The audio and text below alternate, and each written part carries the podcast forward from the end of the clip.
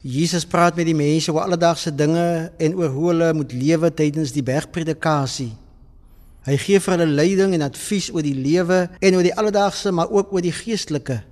Hy gebruik bekende beelde waarmee die mense van sy tyd kon identifiseer.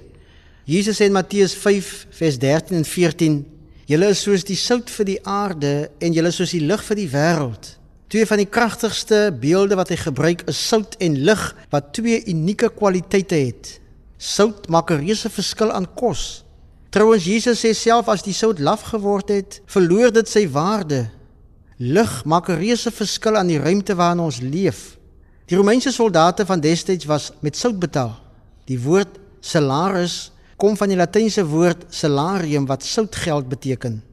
Die sout wat die soldate verdien het, het afgehang van die hoeveelheid werk wat hulle gedoen het. Daarom ook die uitdrukking jy is jou sout werd. Jesus gebruik hierdie twee entiteite as voorbeelde om te wys hoe ons moet lewe. Ons moet die kwaliteite van sout en lig in ons lewens laat sigbaar word. Ons weet wanneer sout nat word, verloor dit onmiddellik sy waarde en wanneer die bron van lig bedek word, die kers of die lamp, dan kom die donkerte. Sonder sout is kos minder smaaklik. In die afwesigheid van lig is daar donkerte. Sout en lig het dus 'n impak op ons lewens.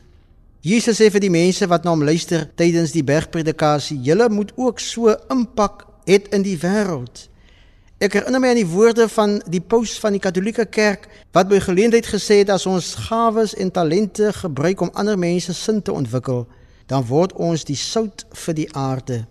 Die vraag is nou by die aanhoor van Jesus se woorde Hoe gaan ek vandag aan die wêreld 'n beter smaak gee? En hoe gaan ek lig bring vir ander vandag? God wil ons gebruik om 'n verskil te maak. 'n Mens kan natuurlik ook die teenoorgestelde doen. Jy kan die lewe vir iemand anders vandag donker maak of selfs onsmaaklik. Kies eerder om lig te bring en om sout te wees vandag.